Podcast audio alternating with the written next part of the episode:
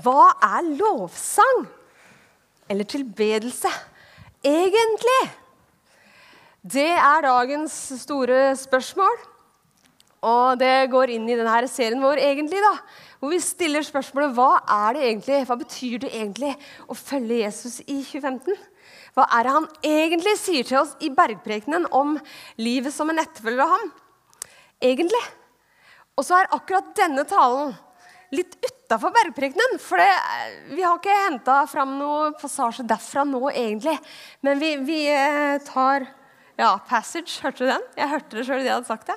Vi har ikke, har ikke åh, Ikke sant? Egentlig så prøvde jeg å si at vi har ikke henta fram et avsnitt. Egentlig. dere skjønte hva jeg mente? Ja. Men en hel gudstjeneste om lovsang, er ikke det litt mye? Egentlig?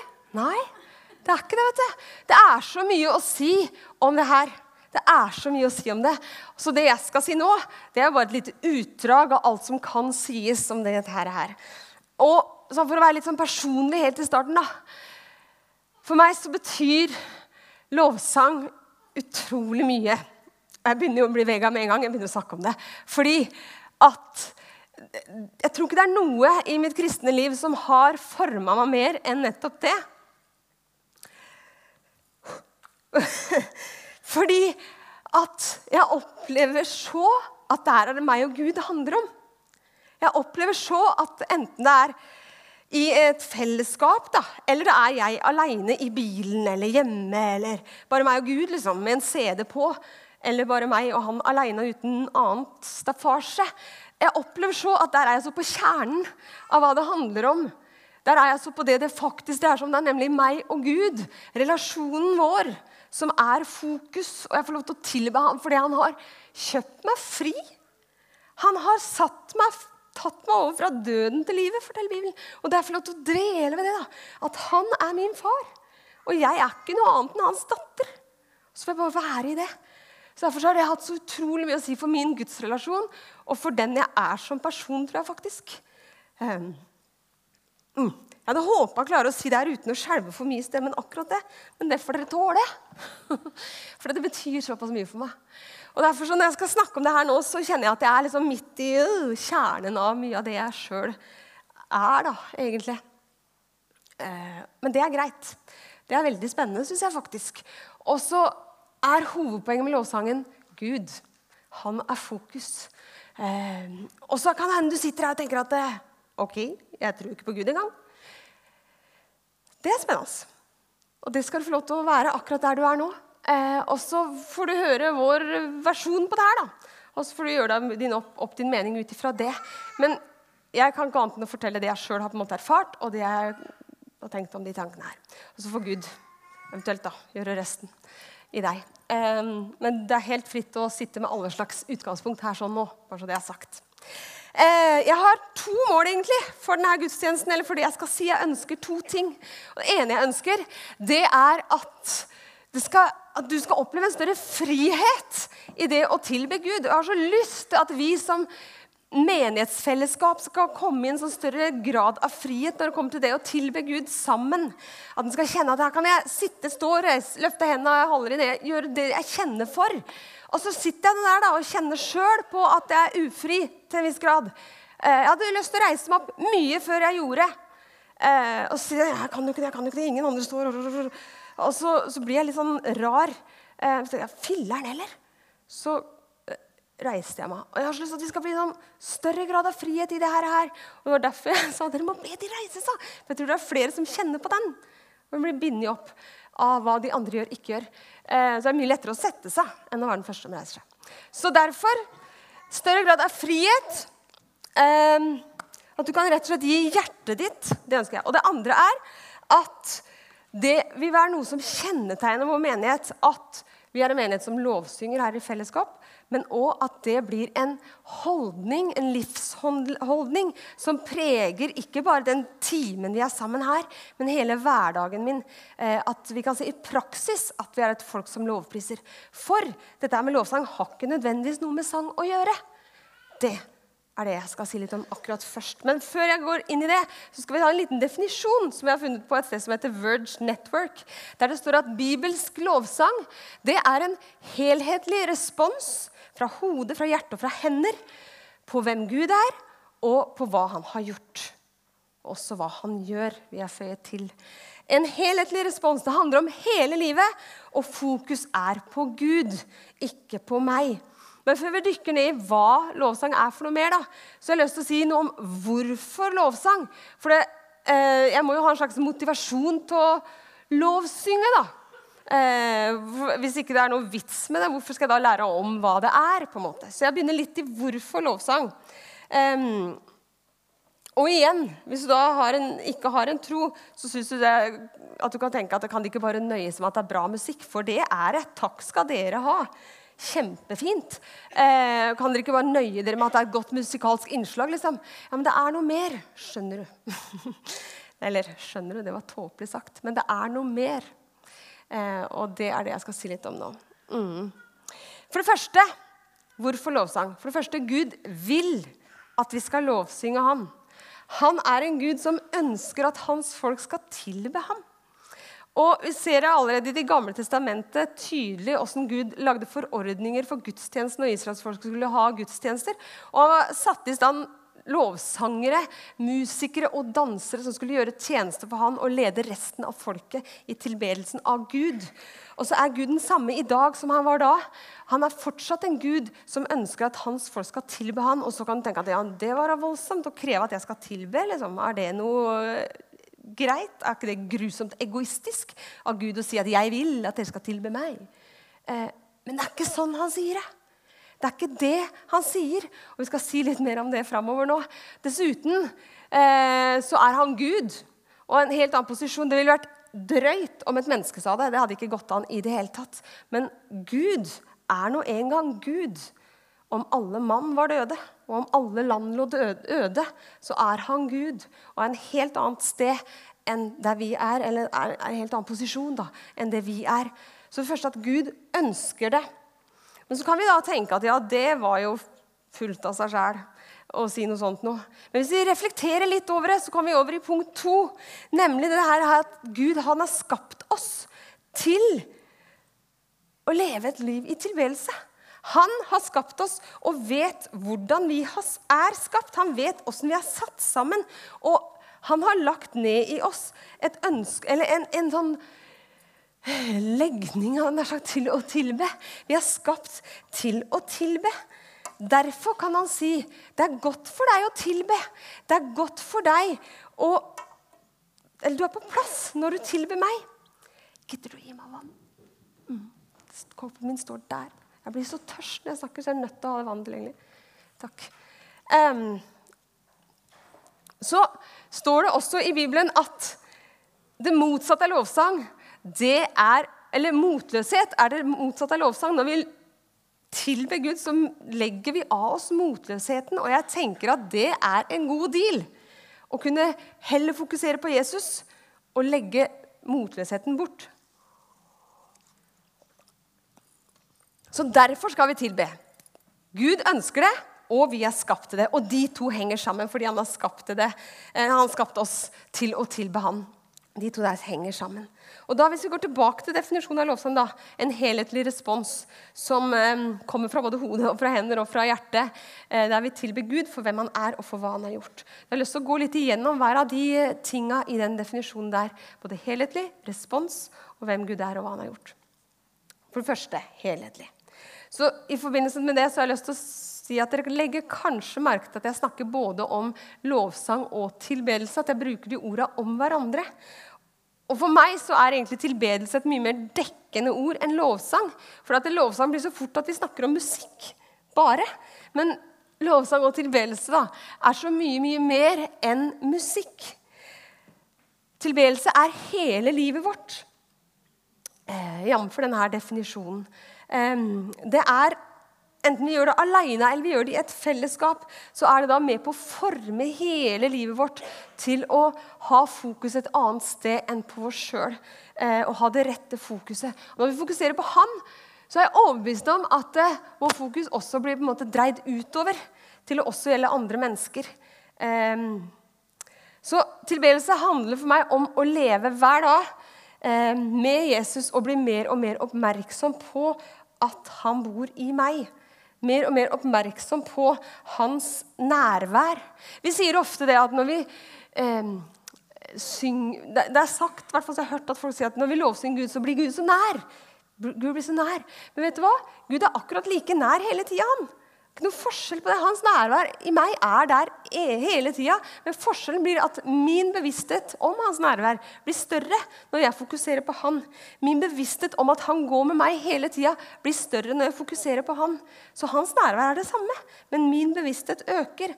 Og jeg tenker at når min bevissthet øker, så vil det gjøre noe med hele min livsholdning. Så vil det gjøre noe med åssen jeg angriper livet mitt. på en måte.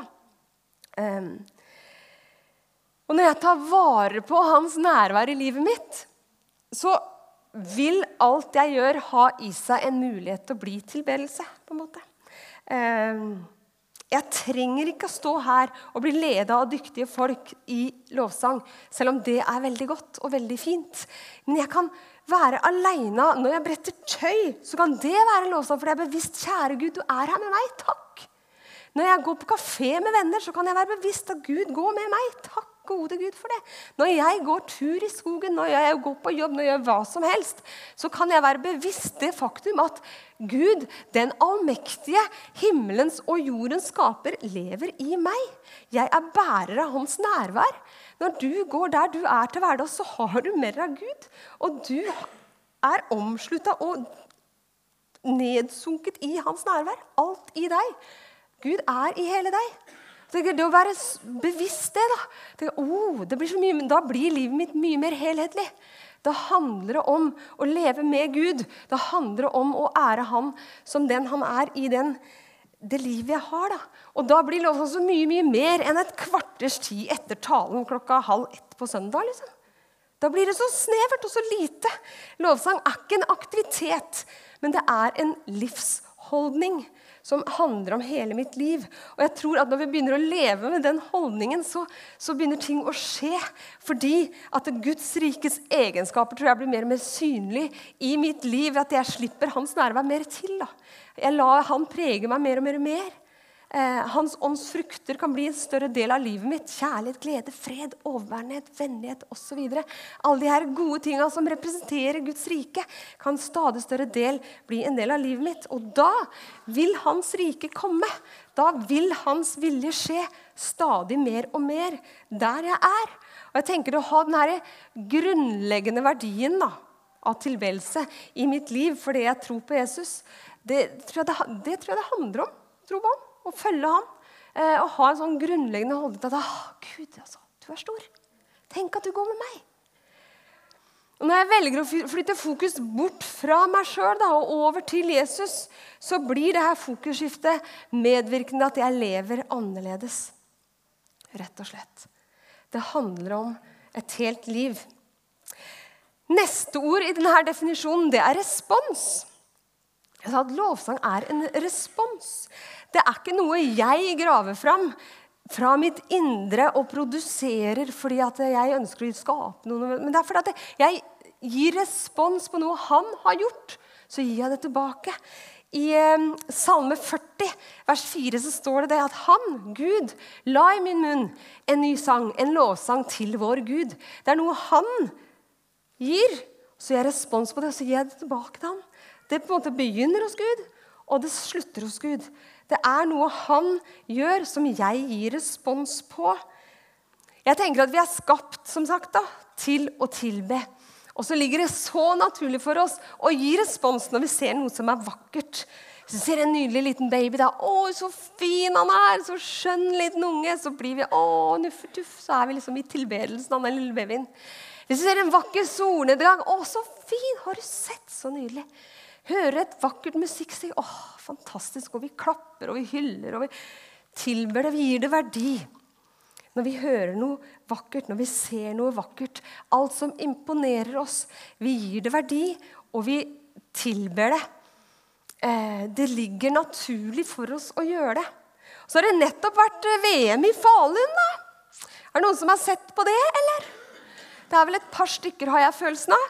Eh, jeg er sånn som når det var femmila som Jeg gidder ikke å sitte i to og en halv time skal jeg være helt ærlig, og se på. Det syns jeg er litt lenge. Men jeg kom inn de siste fem minuttene, og det var jo kjempespennende. Og jeg fikk med det viktigste. Det var jo rågøy. Når han her, Petter Northug, da, ligger langt bak, relativt langt bak i feltet og ikke fikser dagens etappe, ser det ut til. Oh no, han kommer til å tape, og Norge som nasjon bare blir jo knust, tenker vi. Og så drar han til opp de her bakkene og går jo fortere enn lynet. Og opp bakken, denne bakken, og så fyker han i mål først. Det er jo fantastisk. Og han blir hylla som den skikongen han er. Og vi kjenner gledesstrålene. Jeg sitter der og griner i sofaen. Jeg blir kjempebevega. Så jeg har minutter, men det holder, det. Uh, og syns det er veldig bra.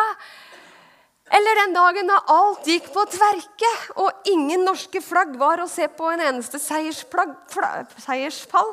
Eh, og vi smørte oss vekk fra det som het seier, og alt var helt forferdelig. Og hva har skjedd? Vi taper, og er det mulig? Og vi gråter, og ingenting er som det skal. Og, og da når neste dag kommer, eller hva det var, og Therese og co. bare måker i gang og smørebom er glemt, og de har fått nye ski, og det er rett i mål. Og hun blir den skikronprinsessa. Hun er og slår selv dronning Marit og blir hylla da, som den prinsessa hun faktisk er. Som den skiprinsessa hun er. Vi er skapt til å tilbe, og stadion er ikke vond å be. Vi lovpriser disse skiheltene. Og det er gøy. Kjempemorsomt i fem minutter, som sagt. Men det er kjempegøy. Um, og vi skal ære den som æres bør, osv. Men poenget mitt med det her nå, da, i stedet for å gi Gud den responsen som han er verdt I stedet for å tilbe skaperen, så har vi begynt å tilbe det skapte isteden. Fokuset vårt har kommet et annet sted. Og hver og en av oss er ute etter å bli tilbedt, hylla, eh, gitt ære for hvor fine vi er, hvor flinke vi er, og hvor eh, vakre osv. Vi er i stedet for å gi Gud, skaperen, ære. Fokuset vårt har blitt forskjøvet. Men det er ditt og mitt valg hva som skal være vårt fokus. da. Det tenker jeg. Det er vårt valg hvem vi vil tilbe, hvem vi vil sette høyest på pallen, hvem vi vil skal ha fokus som konge i våre liv. Men så er det ikke bestandig at livet er sånn at vi føler for å synge så mange lovsanger. Det er ikke alltid jeg har lyst til å gi respons, for det er så mye annet som forstyrrer. Og lysten kanskje kan være der òg, men det er så mye annet som tar fokus. For at omstendighetene mine er så tøffe, kanskje. Eller det bør ikke være så tøffe engang. Det kan være kjempegøye ting som skjer, som tar fokus. Det kan være jeg kan være så forelska i han der som står tre rader fram på i kirka her, at jeg bare ser han, og ikke Gud, som jeg skal til med. jeg kan eh, være så bevisst min egen stemme at det eneste jeg tenker på, er at han foran skal høre stemmen min, at den er fin eller dårlig. Ikke høre stemmen min hvis den er for dårlig. At det blir fokuset mitt. Jeg har vært der begge steder. Jeg husker at jeg var 20 år og kjempeforelska. Han som sto noen, var veldig bevisst på hvordan jeg sto, og løfta jeg ikke løfta henne osv. Jeg var mer opptatt av han enn av Gud. Jeg var kjempebevisst min egen stemme og ingen andre altså Jeg høres, osv. Og så har jeg også opplevd å bli satt ut av musikken eh, og bare hørt den. Og det verste eksempelet på det var når jeg gikk på DTS med Ungdom i oppdrag i Amsterdam så var vi sånn 25 stykker cirka, i klassen, og hver morgen ble starta med lovsang. Og jeg gleda meg så til å være der, for det, som sagt, det betyr mye for meg. Og jeg gleda meg så til å være liksom, hver dag skulle være lovsang. Og det ble de kleineste ting jeg har vært med på. Det var bare så tufs å sitte der i den ringen og skulle synge lovsanger. Det føltes bare dumt. Det Eneste jeg var opptatt av, var alle de andre folka. Og ikke minst, det toppa seg fullstendig når han ene medstudenten dro fram blokkfløyta si og spilte hver eneste dag på den der blokkfløyta. Eneste jeg hørte, En ting var at det var en blokkfløyte, som var riktignok så stor blokkfløyte i tre. vet du, Som det kan være fint, veldig fint, det. Men jeg var akkurat litt sur. Åh, eneste jeg hørte, var den der sure tonen. Jeg klarte seriøst ikke å fokusere på det jeg skulle. Det var en kjempekamp for meg. Eh, og så måtte jeg gå noen runder med meg sjøl og så prøve å liksom, ok, Det er ikke fløyte det handler om, det handler om Gud. Så jeg, det der med at omstendigheter som er fjasete, kan ta fokus bort fra Gud. Eller de tidene i livet hvor livet er så tøft at du føler du synker. Når du tenker at 'jeg kommer til å gå under'. Hvordan i alle dager skal jeg kunne lovsynge sånn som livet mitt oppleves nå? Du bare opplever at det er ikke noe å takke for. Det er mer klagesanger enn det er takkesanger i hjertet mitt. Så er det gode da at Gud tar imot våre klagesanger like mye som han tar imot våre takkesanger. Han tåler oss på det verste. Han vil at vi skal være der også på vårt verste. Han inviterer oss så inn også da til å øse ut våre hjerter. Og jeg tenker at eh, det å være en sann tilbeder, snakker Jesus om, det handler om bl.a. det, tenker jeg. At jeg er hele meg, med alle mine følelser. Både de kjempegode og de helt under kjellergulvet vonde. At jeg kan være hele meg med et helt hjerte. For hvordan kan vi ellers tilbe Gud av våre hele hjerter hvis ikke vi kan være det også med de, den vonde delen i hjertet vårt. Og så I tillegg så tror jeg at han inviterer oss til et spørsmål og borer oss dypere inn. Hva er det du mener egentlig, Gud? Hvorfor gjør du det? Hvorfor gjør du ikke det? Hvorfor sånn og hvorfor sånn? Når du har alle de her hvorfora i livet ditt, så tror jeg vi er helt velkomne til å stille de spørsmåla. Vi pleier å si her ofte at vi legger ikke huet igjen på utsida når vi går inn her i kirken. Vi har lov til å Eller hu, ikke bare lov til, huet hører med eh, til kroppen vår. Hode, hjerte og hender er med når vi tilber vår far. Eh, du kan stille de, alle de tabu eller ikke-tabu spørsmål du måtte ha. Å være hele deg innenfor Gud. Og jeg tror det er det Jesus mener når han snakker om å være en sann tilbeder. Han sier det til en eh, kvinne han møter, som det står skrevet om i Johannes 4. Gud vil ha tilbedere som tilber ham i sannhet. Og så sier han i ånd tilbedere som tilber ham i ånd og sannhet. Hva betyr den åndsdelen? da? Hva betyr det å tilbe Gud i ånd? Jeg tenker at det bl.a. kan tilbe det her at Gud er ubegrensa av tid og av rom og av sted og av måter. Det har ikke noe å si hvor du er, hvordan du gjør det, hvordan du synger, hvordan du ikke synger, om det handler om sang, ikke sang. Det at vi er i ånd. Gud er ånd, og han er ubegrensa. Og så er jeg også ånd og faktisk ubegrensa. Jeg er begrensa av min kropp, jeg er begrensa av tid og sted osv. Men min tanke, min ånd, er ubegrensa. Her jeg står nå, så kan jeg fort vekk være tilbake da jeg var i min første skole da. Jeg husker det kjempegodt. Jeg er der nå, sa jeg i min første skole da. Og jeg kan tenke framover. Ti år fram. Åssen kan det være da? tror jeg? Lurer på hvordan livet mitt er da. Så kan jeg tenke framover. Jeg er ubegrensa sånn sett. ikke sant? Jeg er ånd. Jeg har en ånd. Og Gud er ånd. Og de to kan snakke sammen. Og tilbe Herren i ånd og i sannhet. Jeg tror det er noe av det responsen vår kan eh, handle om. da. Å tilbe Gud i ånd og i sannhet. Og så tenker jeg at Det er mye grad av frihet der. For da kan jeg være hele meg. Jeg bør ikke forestille meg. Jeg kan være meg på godt og vondt. Og jeg kan gjøre det på den måten som er riktigst for meg, da, ut fra sånn Gud har skapt meg. Men hvem er det da vi skal tilbe, da? Eh, en res helhetlig respons på hvem Gud er, og på hva han gjør, sa vi som en definisjon. Er da, hvem er da denne Gud vi tilber? Og helt som siste punkt her, skal jeg si litt om det før jeg avrunder. Eh, vi tilber den evige, den treenige Gud, Far, Sønn og Hellige Ånd. Han er det vi tilber.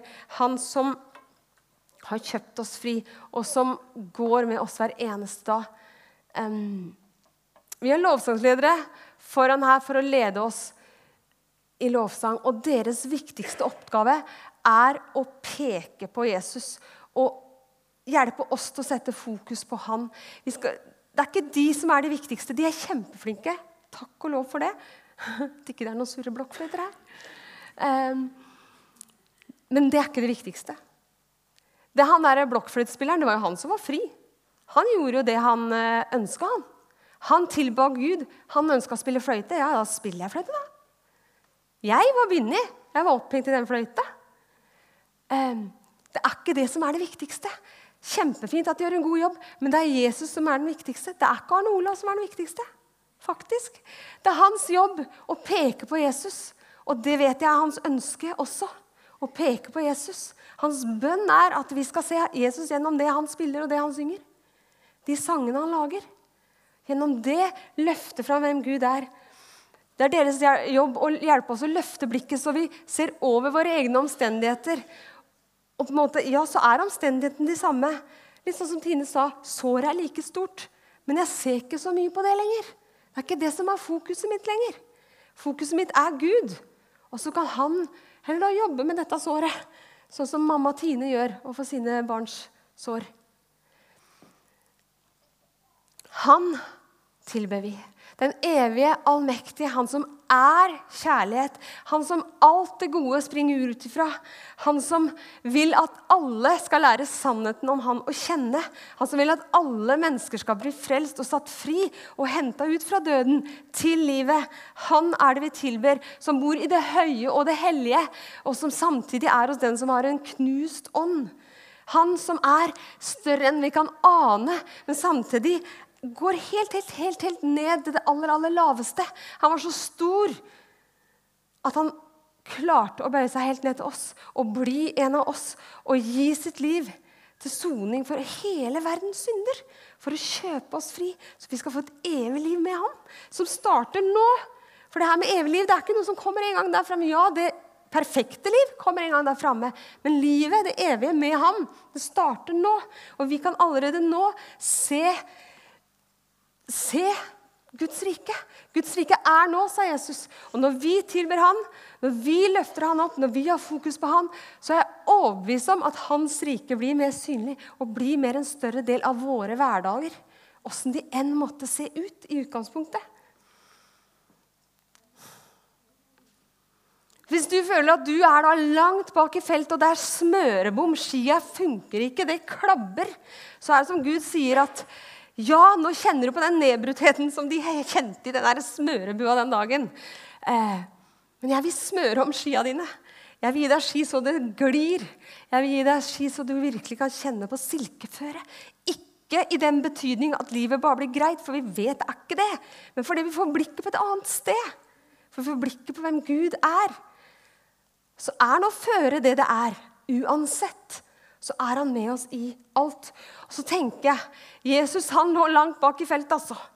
Han lå langt bak i feltet, så langt bak at han døde og ble lagt i graven. Og Tilsynelatende så var det ingen gullmedalje i sikte. Tilsynelatende så vil det ikke bli seieren til ham. Men så spurter han altså inn og opp de bratteste bakkene og tar opp kampen med selveste døden med stor D. Og så springer han forbi. Så måker han forbi alle de andre. Så går han over målstreken først og vinner over døden og seirer. Det er han vi tror på. Det er han vi tilber. Og den seieren som Petter og Therese fikk, da, som vi kaller vår, den blekner. For Jesus sin seier, når han vant over døden, den er vår. Seieren er vår. Vi har vunnet. Seieren er vår. og den jeg tenker Den der jubelen som bryter løs på stadionet i Falun og alle andre sånne idrettsarenaer, den er gøy og den er bra, men vet du hva? Den jubelen som vi kan løfte for Gud Fader, Jesus Kristus, som lever i dag, Den hellige ånd som går med deg, den kan være så, så mye, mye større. Og den har så mye mye større klangbunn. Den kan vare så veldig veldig mye lenger. 'Endless Praise' sang dere først her i stad. En av de første sangene. Det er en pris som varer evig. Og vi skal gå inn i den her lille lovsangen og tilbedelsen nå straks. Fortsatt i vår, i vår, vår, vår gudstjeneste her nå. Um, men før vi fortsetter på det, og vi skal tenne lys og be, skrive lapper på bønnekroka, du kan komme fram og bli bedt for å få forbønn eh, og være i lovsang der du står. Det skal vi straks gjøre, men før vi gjør det, så skal vi se et lite videoklipp fra en tale som er eh, blitt veldig kjent. En legendarisk tale som du kan hende ha hørt av en som heter Lockridge, som var på midten av forrige århundre eh, i USA. En pastor som hadde en lang tale, men et utdrag av det skal dere få se nå. Og overskriften er 'That's my king'. Det er min konge. Og så beskriver han kong Jesus som den han er. Vi hører den, så fortsetter vi å tilbe Jesus etterpå. The Bible says, My king is the king of the Jews. He's a king of Israel. He's a king of righteousness. He's a king of the ages. He's a king of heaven. He's a king of glory. He's the king of kings. And he's the Lord of lords. That's my king. I, I wonder, do you know him? my king is a sovereign king. No means of measure can define his limitless love. He's enduringly strong. He's entirely sincere. He's eternally steadfast. He's immortally graceful. He's imperially powerful. He's impartially merciful. Do you know him? He's the greatest phenomenon that has ever crossed the horizon of this world. He's God's Son. He's a sinner's Savior. He's the centerpiece of civilization. He's unparalleled. He's unprecedented. He is the loftiest idea in literature. He's the highest personality in philosophy. He's the fundamental doctrine of true theology. He's the only one qualified to be an all-sufficient Savior. I wonder if you know him today. He supplies strength for the weak. He's available for the tempted and the tried. He sympathizes and he saves. He strengthens and sustains. He guards and he guides. He heals the sick. He cleanses the lepers. He forgives sinners. He discharges debtors. He delivers the captive. He defends the feeble. He blesses the young. He serves the unfortunate. He regards the aged. He rewards the diligent. And he beautifies the meek. I wonder if you know him. He's a key to knowledge. He's a wellspring of wisdom. He's a doorway of deliverance. He's a pathway of peace. He's a roadway of righteousness. He's a highway of holiness. He's a gateway of glory. Do you know him? Well, his light is matchless. His goodness is limitless. His is. His love never changes. His word is enough. His grace. His reign is righteous. And his yoke is easy. And his burden is light. I wish I could describe him to you. He's indescribable. He's incomprehensible. He's invincible. He's irresistible. Well, you can't get him out of your mind. You see, you can't get him off of your head. You can't and you can't live without him. Well, the Pharisees couldn't stand him, but they found out they couldn't stop him. Pilate couldn't find any fault